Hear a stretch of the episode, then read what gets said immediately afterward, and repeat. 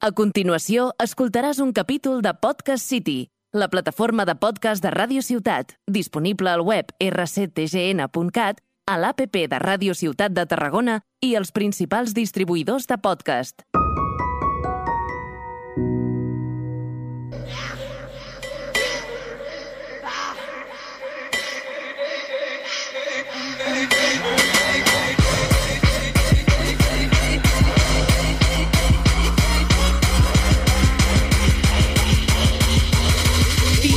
De la ira. Comando Hum, servicio a domicilio. Destruir la norma, un podcast de cerdas y diamantes. Nuestro espacio para compartir aprendizajes y cuestionar el sistema desde una mirada interseccional. Que va de bien quiera y se las da de bueno delante de la abuela. Se cuelga medallas por hacer la cena, como si cuidarle fuera mi problema. A nosotras no nos la pega. Con ese rollito de víctima Fiera. Por el aro. Hola, hola, hola. Oli, ¿qué tal? ¿Qué tal? Wow, llegamos al, Al último final. programa. De esta temporada al menos. Uh, ¿habrá otra? ¿Alicia? Eh, no sé, Marjorie, No sé, ¿Alicia? depende. de- No sé, eh, si no nos echan, Si no nos echan por radicales. revolucionarias, Revolucionarias. y todo eso. Sí, podría ser. De hecho, teníamos Pero sería nuestras como un buen final. Sí, también, Que estaría nos guay. echaran, ¿no? En plan, no volváis nunca más. Em, sí, para nosotras literalmente es un cumplido que nos digan que somos demasiado chungas o radicales. Sí, Y es como tenía- radical. Sí, Sí, efect- efectivamente. efectivamente. Teníamos serias dudas, esto es real, o sea, confesión en el último programa, de que nuestro programa fuera aceptado en un inicio, incluso que fuera por mantenido. Dos personas que- Sí. Ah, vale, pues en la radio digo. Pero las dos personas que nos escuchan, Ya. sí, aceptado. No, pues. por la radio, ¿no? Porque Sí. nunca. Bueno, es, a ver, en serio, ¿eh? O sea, aparte de la broma, es como, uy, hay ciertas cosas, ¿no? Que, bueno, hemos hablado Bueno, muy claro. Hmm. de muchas cosas y dices, yo qué sé, al final los medios de comunicación ya sabemos que, bueno, pues tienen sus, sus normas, nunca Ujú. mejor dicho, y sus cosillas allí un poquito, que dices, bueno, a ver si nos dejan hablar de esto o no. Y hemos, tenemos que decir que sí, Que no nos han puesto nunca ningún problema y, Sí. y nos hemos ganado nuestra, nuestro título de antisistemas, punkis, chungas o algo así. No, No- sabemos. No sabemos. Luis, Tenemos. ¿cómo no. nos llamáis en la radio? ¿Las chungas? ¿Las, las punkis? ¿Las...? Eh, si- sincera. No se me escucha, a ver, hola. Sí, se Vale, escucha. eh, Nuestro sinceramente- técnico. Director. Eh, bueno, sí, hay muchos, muchos nombres, muchas determinaciones. Eh, yo os llamo las revolucionarias. Ya. Ya. Dilo, rey. Porque es que hay quien llamaría las progres, hay quien diría No, Progress no me gusta tanto, ¿eh? las progremitas, me ha dicho alguna vez. Pero yo no, la, yo digo las revolucionarias. Ya, ese es nuestro Luis. Aprobamos. Que una revolución puede ser buena o mala, no, pero revoluciones. Bueno, Eso ya lo, Está bien. Vale, va. Eso ya lo determina José Luis o vosotras, yo no me meto. Exacto. José Luis, bueno. gracias por esta intervención. Pues Alicia y Marjorie, acá las revolucionarias. Eh, nada. De no hecho, sé. os queríamos un poquito también hablar un poco más de nosotras, porque nos hemos dado cuenta que hemos hablado mucho de muchas cosas O sea, y literalmente mucho. Hacia afuera. Y no ha habido un trabajo, ¿no? De decir, oye, ¿quiénes somos? Que también es un dónde estamos. Eh, ¿Y tú qué en qué año eres? Pedazo puta, ¿no? sí, Como decía la exacto. veneno. Jazz. Em, y bueno, creo que es el momento, ¿no? El último programa, acercarnos un poco más, que nos conozcáis un poco más, porque también creemos que es un ejercicio de transparencia, no solo de, bueno, vamos, que nos conozcáis un poquito más, porque así, uh, no, porque a lo mejor nadie nos escucha, pero sí simplemente como para hacia nosotras, desde dónde hablamos, es, ese quiénes somos, es importante, ¿no? Es, es, mm, un ejercicio de honestidad desde, nos- de- desde dónde hacemos la divulgación. Creemos que el aprendizaje, ¿no? Em, La experiencia, Exacto. nuestro contexto tiene muchísimo que ver al final en cómo hemos eh, desarrollado nuestro conocimiento esto, ¿no? y nuestra traye- bueno, trayectoria. Uh. Ellas. Eh, pero sí, es fundamental a nivel teórico, pero también Claro. de experiencia. ¿no?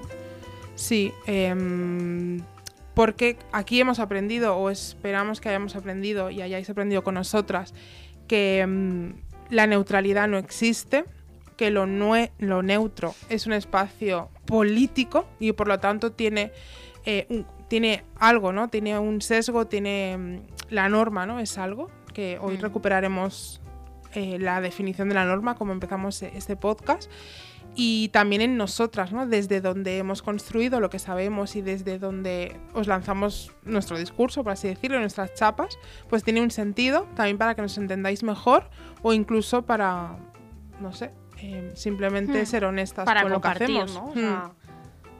Llevamos ya muchos, bueno, muchos programas. Bueno, el número y también 15. apetece, pues, eso, Mm. que la gente que nos oye eh, nos conozca, básicamente. Eso también es algo Sí. chulo. Sobre todo porque este podcast no viene acompañado de imagen también. Mm. Entonces, bueno, nos perdemos mucha Ya, que se información. imaginarán de nosotros? Es verdad. Bueno, hay una foto, pero nunca sale. Ya, Entonces, es verdad. eh, me gustaría saber cómo nos imaginan. ya, qué verdad. guay. Decírnoslo, porfa, mandadnos mensajes. Qué curioso. ya, ya, la verdad es que sí. Es como cuando lees un libro y literal te imaginas Sí. a los personajes, ¿no? Y Pero luego a a lo tope. mejor el autor, la autora lo ha pensado totalmente diferente. Totalmente. Pero es lo guay. Sí, y cuando ves, si hacen la peli, ves la peli, también dices, ostras, me lo imaginaba igual, o no, 0% igual, no sé. Es chulo. Que hay detrás de una voz, me parece como muy bonito. Y la magia de la. Uh, la magia de la radio me parece como. Sí, de verdad que hay. Yo escucho, soy muy oyente de radio, porque conduzco bastante y no sé qué. Y escucho muchísimo la radio y, siempre. Y desde pequeña, porque en mi casa se ha escuchado mucho. Y es como muy guay. ya, realmente literalmente Marjorie en su cocina tiene puesta la radio. Sí, una radio, radio. De estas de. Sí, ya da pistas de la edad que tiene Marjorie. Oye, Sisplau, No, ha es tenido broma. que salir. No, no es pero... broma. La radio de sí mi padre. verdad que, bueno, lo tienes mucho más incorporado. Está claro Sí. en el coche sí, pero es verdad que no, ¿no? Yo como buena millennial, pues... eh, Millennial, tres millennial. sí, tía. ¿qué Pues voy sí, a yo ser soy millennial, tía. ¿Tú qué vas a ser millennial, Marjorie, por favor? No, cariño, no. Es que tú no eres millennial. Yo soy millennial. Pero vamos a ver, yo soy millennial 100%. Mi hermano es Yo millennial. crea- Va de su... Pero Ya, tú eres exacto. mayor, ¿no? No, no, no. O sea, 95, 94. Yo creo que tú ya no eres millennial, ¿eh? Hay gente que dice 94 y hay gente que dice 95 porque lo miré con las del curro un día. Ya, millennials desde los 80 a los 82 hasta eso, 90, 90 y algo. Bueno, Eh, pues somos millennials. La generación del milenio está conformada por las personas nacidas entre 1981 y 1996. Es Ah. decir, tienen entre 40 y 25 años. O sea que estamos, bueno, de dos 42, porque eso será des- desde el 81 es 42. Eso será más viejo donde la que has leído. Pero Bueno, vamos, yo eh, pues siempre somos he sido dos- millennial. Por eso digo, tú lo eres. Y pensaba que tú ya eras la generación. No, tía, la Z es del 2000. Mm, bueno, bueno. La te gente de. TikTok, lo que pasa es que como ella utiliza tanto TikTok, Ya, tiene ahí como un cruce. 100%. Yo soy Z. Sí, ¿no? Z. Claro, Z totalmente. Bueno, yo tengo mis dudas contigo. Pero Eh, bueno, conmigo igual, no. next. ¿Tú no sabes que yo era millennial? Estoy flipando. no. ¿Y qué O pensás sea, que era? boomer tampoco, mira, es broma. Pero la que está entre... No hay una entre medio, ¿sí, no. no? No. Entre millennial y... Ah, Sí. generación X. No, esa es anterior. Ay, no sé. Bueno, da, igual. next. Muy interesante todo esto. Venga, A podéis reconectar. Eh, ¿Quiénes Conocimiento somos? Somos situado. Vale, conocimiento situado. Bueno, eso es lo que llamamos esto, ¿no? O sea, Sí. desde dónde estamos creando nuestro discurso, quién Sí. somos, cómo somos. Vale, entonces, ¿cómo lo hacemos? No de hecho, sé. me recuerda a la dinámica esta que hemos hecho Sí. alguna vez para explicar lo que es la En interseccionalidad. algún taller, sí. en algún taller. Yo hace poco también lo hice con un taller de antirracismo. Que son al final las etiquetas. O sea, dentro de la interseccionalidad, que os hemos explicado ya cien mil veces, ¿no? Todos los ejes, al final todas estamos atravesadas por todos los ejes, pero o estamos en la parte eh, otorgada al privilegio o en la parte oprimida, ¿no? Entonces, cada uno de estos ejes acaban configurando quién somos. Exacto. Es decir, o la posición en que la norma ocupamos. o en lo otro. Equidicua. Eh, vale, ¿y cómo hacemos? Tú una y otra. De hecho, las etiquetas también, bueno, es un debate entre comillas, que hay mucha gente que rechaza las etiquetas, en plan, "Ay, hay que etiquetarlo todo, ¿por qué? No hace falta, Sí. ¿no? No hace falta. Bueno, según, ¿no? Las etiquetas son importantes. Uno, para saber dónde estamos, que es lo que un poco decía ahora Alicia, y a partir desde dónde, ¿no? Ocupamos un espacio u otro. Y también hay una diferencia, que son las etiquetas eh, impuestas y las etiquetas elegidas. Creo que eso es lo más importante. Sí, no, eso, que las etiquetas al final. eh, o sea, es para visibilizar sobre todo y lo que siempre hablamos, quien no necesita esas etiquetas es porque la norma ya lo representa, por lo tanto no me venga José Luis a Ajá. decirme que las etiquetas no sirven y que a la interseccionalidad, que todo esto lo, lo complica mucho más y que todos somos personas. Pues no. Pues a lo no, mejor José Luis. mm, lo que se entiende por persona, que ejemplifica totalmente la norma, pues muchas no nos sentimos representadas y por lo tanto necesitamos etiquetas Hmm. diversas para mm, autoconocernos, eh, visibilizarnos. Politizarnos, construirnos dentro de la lucha y colectivizarnos, ¿no? También, claro. Con, con Hmm. les mismes, exacto. Súper. Pues ¿cómo hacemos? ¿El juego de las etiquetas? Eh, ¿Tú dices una y otra o qué? Vale, va. Pero bueno, también hay que explicar que no es saber quién tiene más. Sí, que no es una Vale. olimpiada, porque a veces también hemos recibido Sí. críticas en eso y no es ese sentido, es, creo que en algún podcast lo hemos dicho, sino en nuestros posts, eh, de es de donde, donde, o sea, ¿Desde dónde? dónde? desde donde construimos, ¿no? Eh, nos colectivizamos y luchamos y es de donde tenemos que aprender a hacer espacios y a escuchar. Ah, así es. No es a ver quién va a tener más etiquetas, porque entonces sí que no tiene ningún sentido y no Mm. hemos entendido nada. Claro, no son pins como que coleccionamos, cromos o algo así, no. Es ese trabajo. De hecho, os invitamos a que lo hagáis con vosotras mismas, con vuestras amigas, con vuestras familias, en espacios seguros, donde podáis decir, venga, ¿quiénes somos? ¿no? ¿Dónde estamos? Y es un trabajo chulo. Así que os lo vamos a compartir eso, también para que nos conozcáis más. Y bueno, lo primero que creo que esto ya lo habíamos explicado, que nuestro pronombre es ella, ¿no? Entonces yo creo que eso está ahí, pero bueno. Mi primera etiqueta impuesta, pero también elegida, es que soy mujer. Yo también soy mujer eh, y como es impuesta pero también elegida, pues soy mujer cis y utilizo pronombre ella, como ha dicho Marjorie, que ya dijimos. Idem, Eh, vale, somos mujeres cis. Somos humanas. Yes. Bueno, somos, he hablado por ti, pero creo que estamos en la onda. nos conocemos lo suficiente como para que sepas eso de mí. Que la gente dirá, oh, ¿esto es una etiqueta que poner? Pues sí, porque está el eje de especie, ¿no? Que ya hemos hablado otras veces. Hmm. Al final la especie es un constructo social, es una categoría inventada por las humanas, porque la categoría real son animales. Animales somos, ¿no? Todos. los animales. Somos los humanos, los no humanos también, eh, que son animales, ¿no? Entonces, lo que es la etiqueta de humano está construido y digamos que es impuesta, Ujú. ¿Vale? Vale, Más. Yo Yo sé- s- ah. Sí. yo soy bisexual, creo. Me gustaría ser lesbiana, no. Yo a mí también. Eso es algo que dice Marjorie, no, yo soy bisexual, pero a veces tengo dudas, ¿Cómo? lo reconozco. Ah, sí. Wow, no lo sabía. Explícame más. ¿no? Y es algo que he hablado mucho con mi pareja y con, y con Pero el de que seas colectivo. bollera. Sí, de pensar. Ya, porque solo te no. gusta tu pareja. Sé Ya, que sí, no, esto sí que o me lo sea, sé que no tiene ningún sentido, da igual, o sea, next, No, ¿no? sí Pero tiene. Que, que a veces también es un trabajo personal de. Bueno, que es algo que a lo largo de los años. mm, como yo, por ejemplo, si es que tiene algún sentido salir del armario, es muy diferente a cómo me identifico ahora. Mm. Y más si lo repienso, ¿no? Si en mi día a día, eh, con quién me relaciono, con quién quiero relacionarme. Entonces, soy bisexual, porque es así, pero que a veces tengo dudas, también es así. Ya. Bueno, a ver, esto está claro. Yo creo que en un contexto más, no sé, no, no clásico o tradicional, de decir, vale, soy bisexual, ¿no? Pero no, yo no, o sea, en este caso. Pero sí que es verdad que ahora se plantean otras dudas, porque hay como muchos espectros, ¿no? Que aquí también lo hemos hablado, Exacto. ¿no? Que, por ejemplo, hemos hablado del binarismo. El binarismo es o esto o lo otro. Bueno, ¿y lo del medio qué? Hay mucho, muchísimo, es infinito, ¿no? Ese espectro. Y ahí vienen, yo creo que también todas estas dudas y, y por supuesto, es súper lícito. Las etiquetas pueden ir cambiando, de hecho deben ir cambiando y, y es algo como muy normal que, que- que todo esto se pueda ir, ¿no? Moviendo, ¿no? Claro. Es fluido. Con el tema de, de la bisexualidad también es como, como siempre ha sido entendida una cosa entre medio de Mm. ser homosexual, ¿no?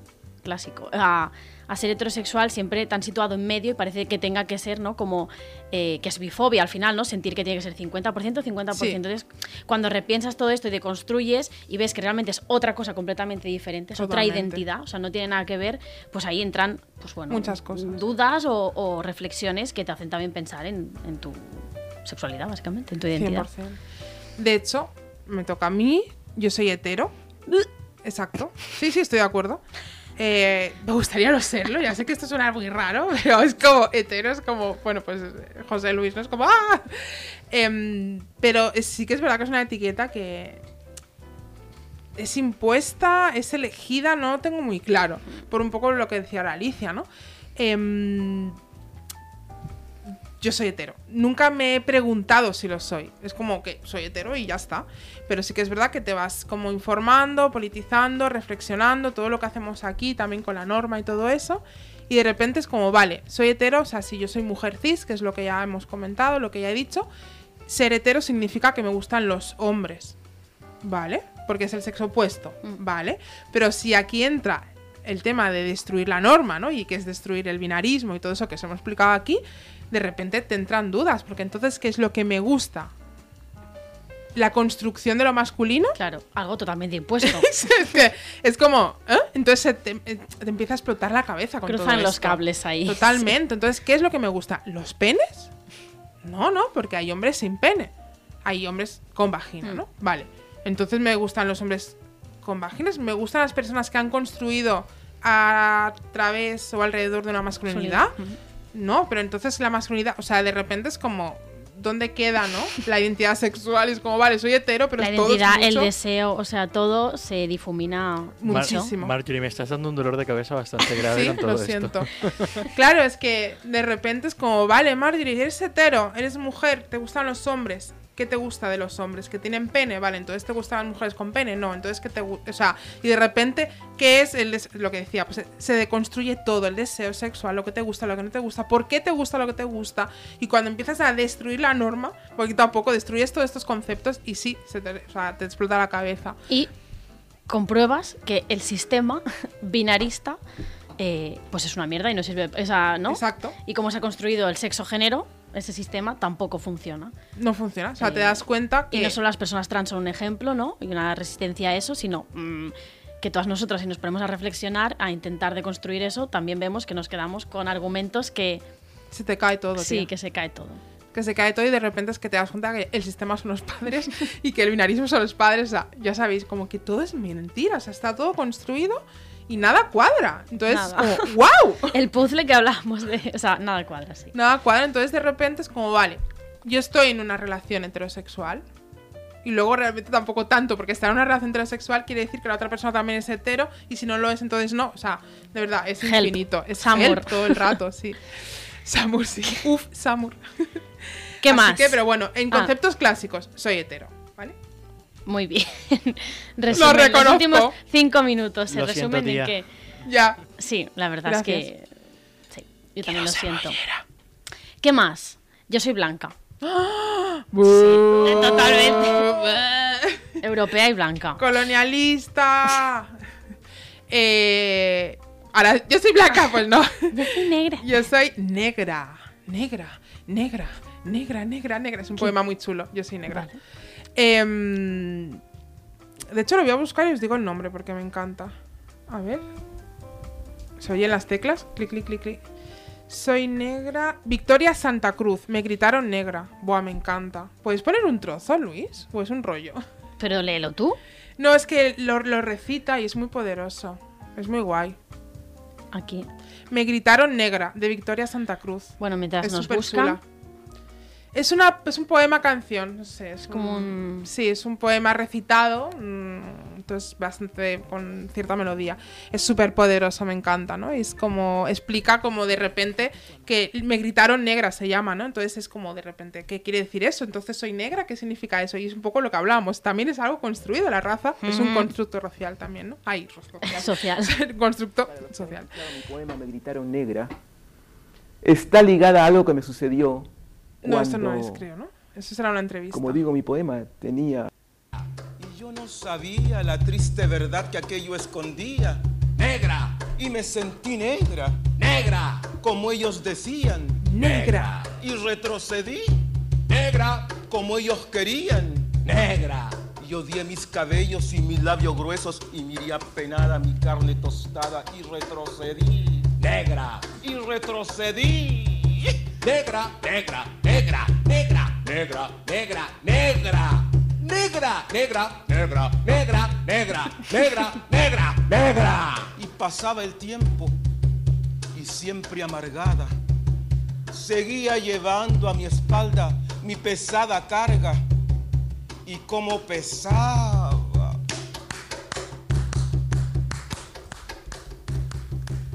Me alacía el cabello. Qué guay. Es muy chula, o sea, em, buscadla y vedla toda, porque esa es la primera parte y la segunda parte habla de cómo se reivindica desde su negritud, ¿no? Y empieza a avanzar, ¿no? Aquí dice, me retrocedí y tal, y pesaba, ¿no? La espalda y tal, y luego es como, no, soy negra, ¿no? Y esto, bueno, pues os explico, ¿no? Al final, esta identificación, ¿no? Racial de soy negra, yo hace poco más de tres años yo nunca hubiera dicho soy negra, ¿no? Yo no me identificaba con esa etiqueta, es una etiqueta elegida, es una etiqueta, además, em, elegida con mucho dolor, ¿no? Porque hay un trabajo detrás de, de autoidentificación, de autorreconocimiento, de haber sufrido racismo, ¿no? Y, eso es como algo doloroso, realmente darte cuenta de eso, identificarte con, con algo así, ¿no? Porque yo, mi color de piel no es negro, digamos que, como se dice, pues mm, medio medio, café con leche, entretener. Entonces, de toda la vida ha sido como sí, o sea, soy marrón. Em, entonces, como que eh, siempre se, se ha atribuido ser negro a un color de piel, ¿no? Y ser negro sencillamente es no ser blanco. O sea, así como resumir muy rápido. Y por lo tanto, no ser blanco, es decir, no ser la norma, ya te pone en ese espacio de la otredad. Dentro de ahí sí que es verdad que hay mucha más eh, discriminación cuanto más oscura sea la piel, cuanto más rizado sea tu pelo, cuanto más XXX sea contra, cuanto más estés del lado de la negritud o lo que se considera negro y por lo tanto lo otro, pues la, la sociedad te castiga más, ¿no? Entonces, por eso las personas que tenemos el pelo afro, rizado, pues nos gastamos tiempo y dinero en alisarnos el pelo de una manera obsesiva, ¿no? En blanquear la piel. eh, así es. Y Yo en cuando descubrí todo. eso, Mm. aluciné. Sí, de hecho es de las cosas que más se venden a nivel Sí, mundial. los muy fuerte. O sea, cuando vi los datos, Sí. me acuerdo de, de algún Instagram de Afropoderosa y tal, de tiendas exclusivas, eh, ciertos países para, o sea, literalmente todo de productos para hacerlo. Sí, para alisar el pelo, blanquear la piel y para hacer todo lo que haya que hacer para no solo blanquear la piel, sino blanquear quién eres. Es decir, cuanto menos te parezcas a la idea de negritud, mejor, ¿no? Porque la sociedad te premia. Así que para mí es una etiqueta eh, muy poderosa que he llegado y que estoy todavía trabajando en ella, ¿no? Identificarme como negra. Y para mí es importante, ¿no? Porque también de alguna manera pongo en valor mis ancestras y, mi- y mis orígenes. Sí. Em, de hecho, es un buen ejemplo. Me acuerdo que al principio, cuando hablamos de lo del puzzle, ¿no? Que pusimos el ejemplo de las personas trans, ¿no? Bueno, no son las personas trans, pero eh, que a veces se- mutilamos el cuerpo para caber en esa pieza y pues esto es otro ejemplo más, ¿no? De Ujú. lo que le hacemos eh, a nuestros cuerpos y a nuestras vidas para caber en ese puzzle que es la norma. ¿no? Totalmente. Y que qué doloroso es y debe ser. Lo que hay detrás, madre mía. ¿Qué más? Más cosas. Eh, capacidades Mm, funcionales para, al menos para el sistema en el que vivo y vivimos. Yo considero que sí, tengo Sí. capacidades funcionales para el sistema. ¿no? El sistema, exacto. Yo igual. Digamos que se entiende. Creo que hemos hablado una vez, no mucho. De hecho, si tenemos más podcasts, Mm. Es que hay muchas será cosas. Sí, además, si hacemos otra temporada, no sé, em, será algo que trataremos más de traer a gente que nos venga a hablar de sus cositas, como ya os os hemos dicho en los últimos programas, de qué guay invitar a gente que, que metan la chapa a otros, no nosotras siempre, y que nos chapa realmente es como muy guay. Y bueno, son temas que han quedado pendientes, ¿no? Pero el capacitismo, lógicamente, pues también es una forma de discriminar por el tema de las capacidades, capacidades entendidas a qué, a que seamos productivos, etcétera, ¿no? Muy Para el sistema al capitalismo. o sea, Exacto. ¿Y mm, cuántas veces hemos dicho exacto en estos 15 programas? Estaría bien contarlos. Madre mía. Y sí, yo igual que Alicia, pues tengo capacidades entendidas como funcionales para el sistema. ¿Qué más? Aunque. Ya. Hemos pensado lo mismo. Mm, ¿Salimos del armario o no? No o lo la, sé. siguiente- la próxima temporada. Ya, no lo sé. Próximamente. no sé. Ven, silencio. Lo siento. Qué mal. Esto en la radio no es demasiado. Eh, eh, bueno, es que, es que ahora qué mal, ¿no? Porque parece que sea algo súper chungo. No, no es nada chungo. Simplemente una etiqueta que, eh, al menos a mí, también es elegida, Sí, de alguna manera, también. y es reciente. Entonces, por eso las dudas, ¿no? A Sí. mí, en mi caso, son dudas de salir del armario en este sentido. Hmm. Yo Eh, también. Salimos del armario a la Pero ¿o no? podría, podríamos decir que ¿Nos damos la mano? nos consideramos. Voy a hablar en plural. No, la mano. Eh, personas neurodivergentes. Nos hemos tocado los deditos. Eh, no, sí, nada, eso. No sé si Sin profundizar. Sin profundizar. Vale. Podemos profundizar la, la semana que viene, iba a decir. En la, siguiente temporada. Sí. ¿Qué más? Yo soy atea. Vale, sí, yo también. Pero soy creyente. Que, o sea, Marjorie no puede tener la etiqueta y punto. Marjorie nos viene a. O sea, todo tiene. Yo soy atea. eh, o sea, no tengo ningún pero detrás. Entonces, Ya, si tú sí. quieres explicar tu pero no, no hay ningún con pero. Dios, No, no, con Dios no. O sea, yo soy atea. O sea, tal Vale. como se entiende el ateísmo, soy atea. Pero eh, soy una persona creyente, pero creyente de los unicornios, por ejemplo. Siempre pongo el ejemplo. Ya sé que es una tontería, pero es decir, es, a mí me gusta mucho como el mundo de la magia. la fantasía. La fantasía, la magia, la mitología. Entonces, claro, es en plan, no creo en Dios, pero creo en la mitología griega. Bueno, pues no. No es que crea, sino que es algo que me gusta, que la he estudiado, que me divierte. Los seres mágicos, las sirenas, es algo que me gusta y me parece que es una forma de creer en algo. Si entráis en su casa lo podréis Sí. comprobar. Entonces, simplemente para mí como que la creencia en seres mágicos va más allá de el tema de Dios y tal, sino ese mundo en el cual me parece como muy bonito creer en él, aunque sepa que no existe. Pero es como, es, tengo como una parte infantil, podríamos decir, y mm, no sé, me gusta la magia y ese tipo de cosas, entonces, bueno, no sé. Ay, la Marjorita. Lo siento, estoy aquí. Sí. Eh, La gente estaba pensando, o sea, esta tía cree en unicornios. Ay, tengo una y risa muy ríe como una urraca. Como una negra, ya. Eh, ¿Qué más? ¿Algo más? Bueno, iba a decir yo, pero tú también. Lamenta tenemos estudios. Ah, lamentablemente No, tampoco, ¿no? tenemos estudios académicos superiores. Ay, sí, decimos que hemos estudiado. Qué fuerte, ¿no? La- yo creo que la gente tía. ni, ni de coña es sabe que yo eso lo te- y para mí es un problema, pero Ya. vale. Ya. No. Yo creo que lo mío es como más sorprendente. Porque, bueno, a ver, sorprendente, no porque sea una pasada, sino porque no tiene nada que ver con lo social. Hmm. Porque a veces sí que dicen, ¿ah? Pero la mayoría de gente que estamos como en activismo político, social y tal, pues hay como, en general, hay un 80% de gente que es trabajadora social, educadora social, mm, antropóloga, no sé, bueno, no sé. Y yo he estudiado uh, química. Soy licenciada en química por la Universidad i Virgili. Sí, ella es química. Eh, yo soy eh, psicóloga, ¡Ya! eh, no de profesión, ¿vale? Eso no quiere decir, por eso, por- porque me miras extraño, Luis. ¿Soy psicóloga? Pero ahora me empodero con la Eh, psicología. Totalmente. ¿y, y cómo te hace sentir esa mirada? Eh, ¿Incómoda? Vale. La incomodidad es un espacio revolucionario. ¡Ya! Sí, y precisamente como me incomoda, a mí me incomoda a día de hoy decir que soy psicóloga porque también es algo que me he trabajado mucho, estudiando también, pero no solo en lo académico, sino más a, ni- a nivel personal y de, y de leer también a otras autoras que, que desde luego no están en la academia. ¿No? y escuchar diferentes vivencias. Entonces, es algo que tengo deconstruido. Ahora mismo no estoy para nada de acuerdo en el sistema actual, ni el médico, ni, ni, por supuesto el psiquiátrico, no hace falta ni decirlo, eh, pero tampoco el psicológico, ¿no? Entonces, eh, intento, no ejerzo, es lo que estudié, intento tener una mirada crítica al respecto y entender que también eh, nuestra salud mental se ve afectada por todos los problemas estructurales que ahora tenemos, ¿no? Y que al final la psicología nació del lado del poder, igual que la psiquiatría, y eso está ahí. Entonces, soy psicóloga, pero bueno, intento llevarlo bien. Ya, pues más personas como tú ejerciendo la psicología. Pues no ejercemos porque nos desencantamos. Ya, pero... Pero bueno, sí, hay, hay, hay vías, hay, hay proyectos muy guays realmente. No sé, ¿dejamos de hablar de nosotras? No, más etiquetas. ¿Pero qué ¿No? más? ¿Ya está? Vale.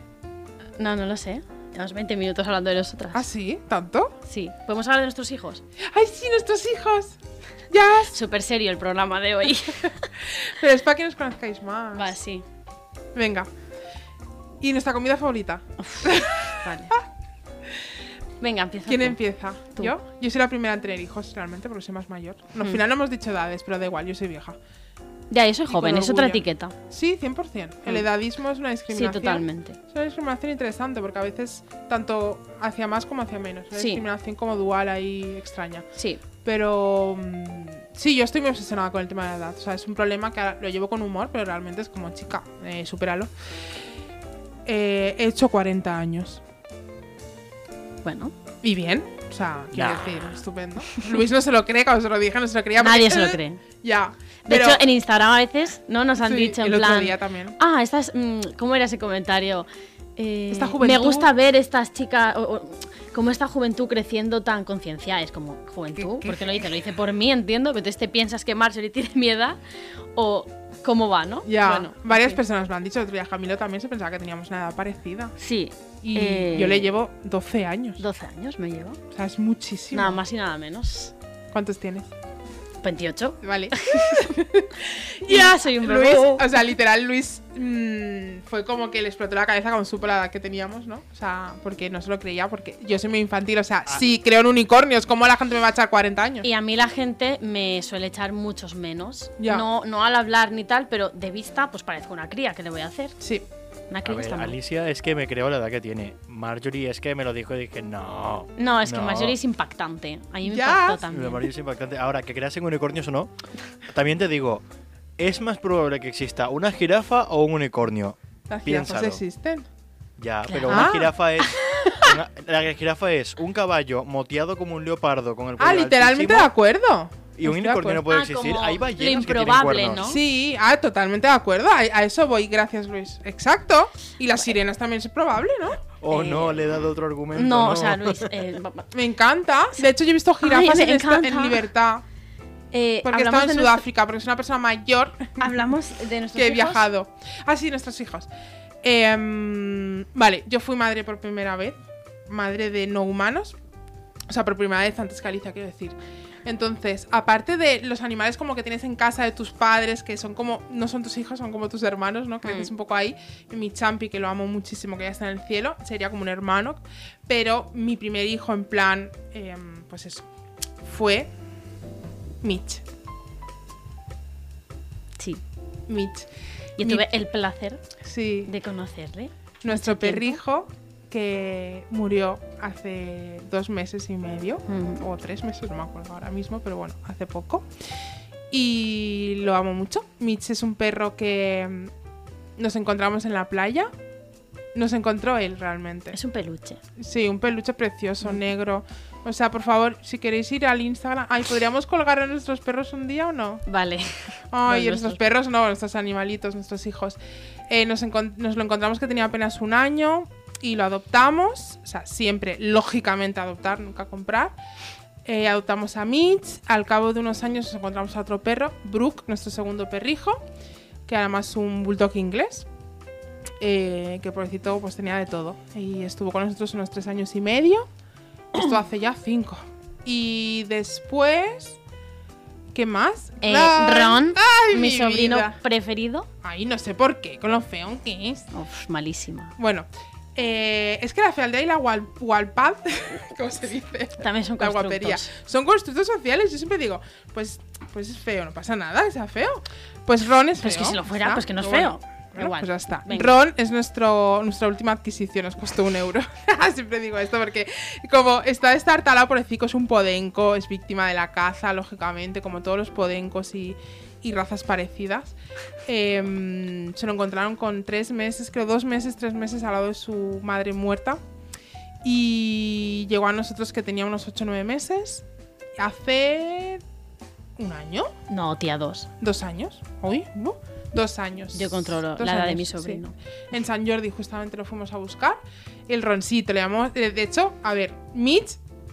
Mitch, que es el primero, le hemos llamado de todo menos Mitch. O sea, le llamamos, pues eso. eh, bebé, peluche, patitas. Patit ¿Cómo le decimos? Patitas de anilla, patitas de piano. Ay, me encanta. Al Brook le llamamos Saquito. Y al Ron le llamamos eh, también Ratita. El meu petit. Y bueno, y muchas cosas más, pero sobre todo ratita. Porque realmente no parece un perro, parece una rata gigante o un canguro. Y les amo mucho, sí. Y ya canguro. está. Bueno, tengo Eh. más, ¿eh? Porque las palomas y los gatos y todo que hemos rescatado, pues son medio per medio hijos, pero bueno. Sí, Es otro decimos día. los hijos con custodia Hijos, actual. sí. Sí, bueno, yo también cuento a mi hermana, mm, la Shiri.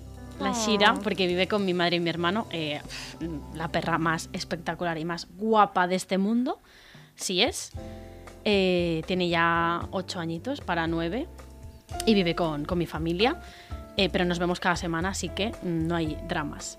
Y luego en casa, eh, pues tengo, tenemos a tres gatijos: Michon, Tofu y el Yayu.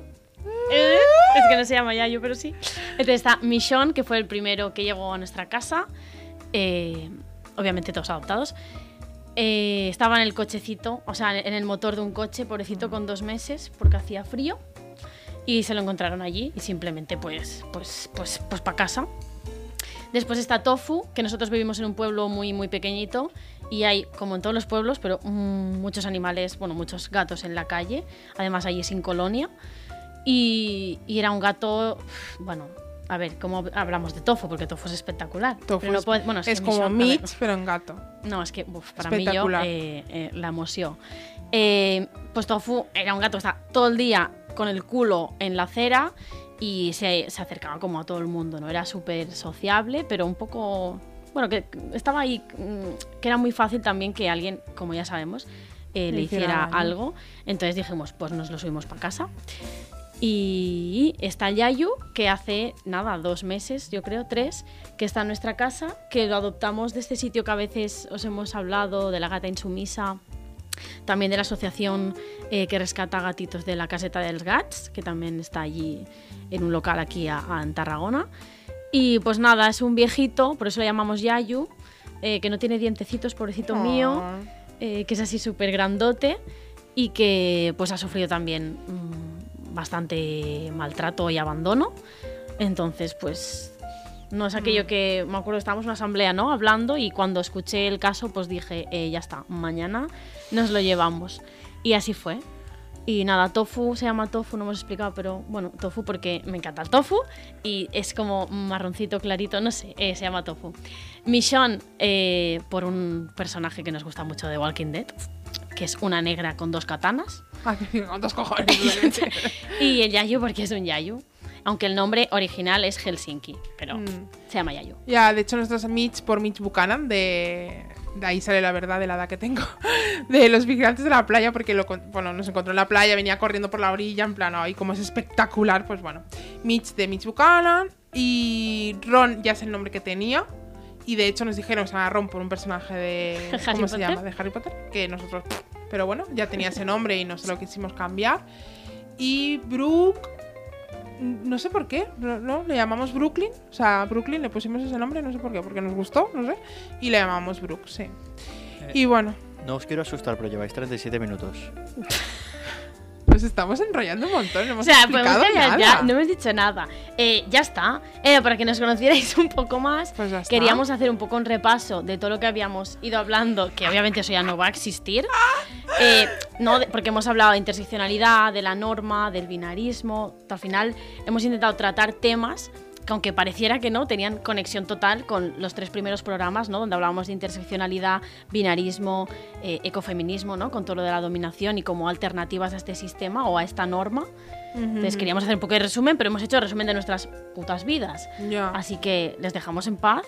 Sí. Bueno, colgaremos, les decimos. sí. Dilo tú. Vale, colgaremos. Tenemos un fanzine. Que de hecho hemos hecho la segunda versión. Porque la primera fue top ventas. no, lógicamente no tiene. O sea, es gratuita la distribución. Así que lo podéis descargar. El fanzine en principio se colgará en la web. O sea, de alguna manera. Yo que sé cómo lo colgarán aquí. Luis nos lo hará. Para que podáis bajar ese fanzine. Ahí tenemos bastante información. De, bueno, hay más información en todo lo que os hemos explicado. Pero bueno, es como para tener Mm. algo ahí. Y hablamos de, de todo esto. ¿Y qué más? Relacionamos la interseccionalidad, bueno, relacionamos eh, eh, con todos los ejes, ¿no? Que también hemos ido tratando Sí. en el podcast y, y la relación con el especismo también.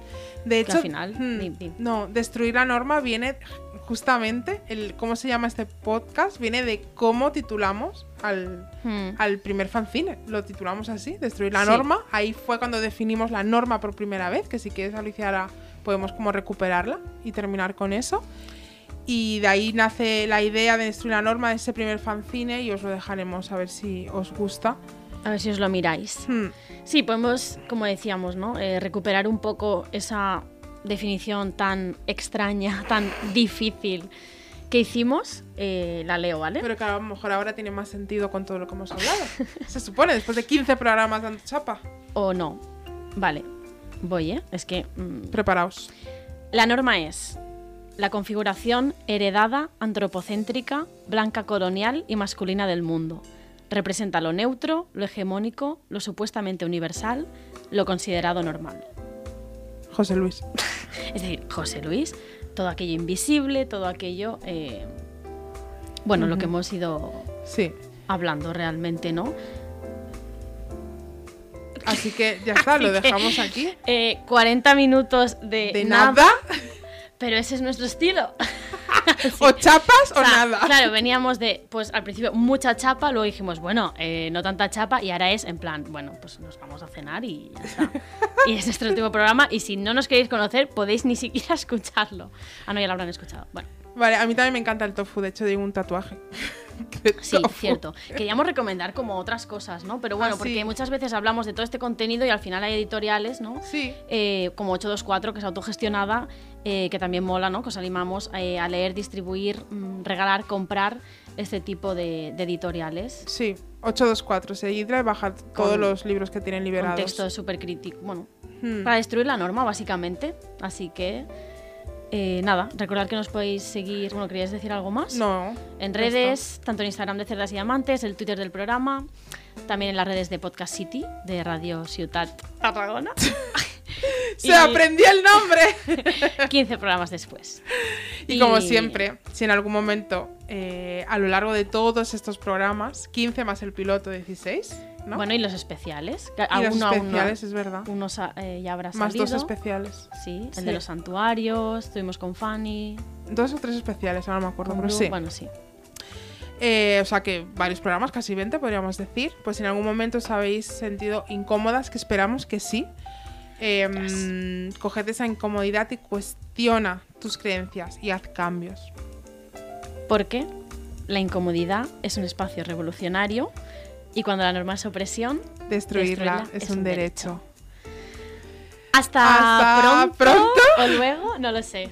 Eh, chao, chao. Os dejamos con una canción diferente a la de Anormales.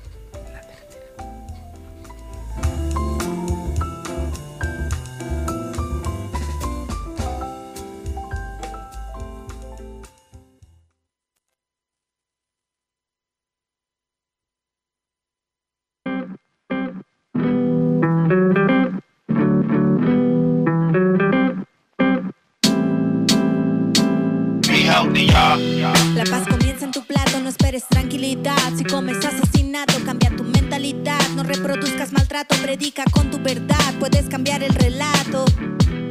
Hip hop a base de plantas, corte los grilletes, se transformaron en alas. Pienso mis acciones, bendigo mis palabras. Esto es pura esencia, no esa mierda que hablas. UNITY, todo lo que sale de nosotros suena guay. Drenamos toda la mierda, knowledge lo que hay. Somos dos almas preciosas que nacieron para brillar. No eres lo que te dijeron, si quieres saber la verdad es que siempre te mintieron, quieren que dudes de ti. Por eso te impusieron miedos, inseguridades y un sinfín de complejos. No digo qué hacer, yo predico el ejemplo. Construir o romper, supremo alfabeto. Know the lesson, get the lesson. El jaguar en el mic, life connection. Yo, purgo lo que hay aquí dentro, donde no se ven serpiente ni se siente el veneno. Dime qué harás con la joya y el reconocimiento cuando solo hayan billetes y ya no hay alimento. ah? Has escoltat un capítol de Podcast City, la plataforma de podcast de Ràdio Ciutat, disponible al web rctgn.cat, a l'APP de Ràdio Ciutat de Tarragona i els principals distribuïdors de podcast.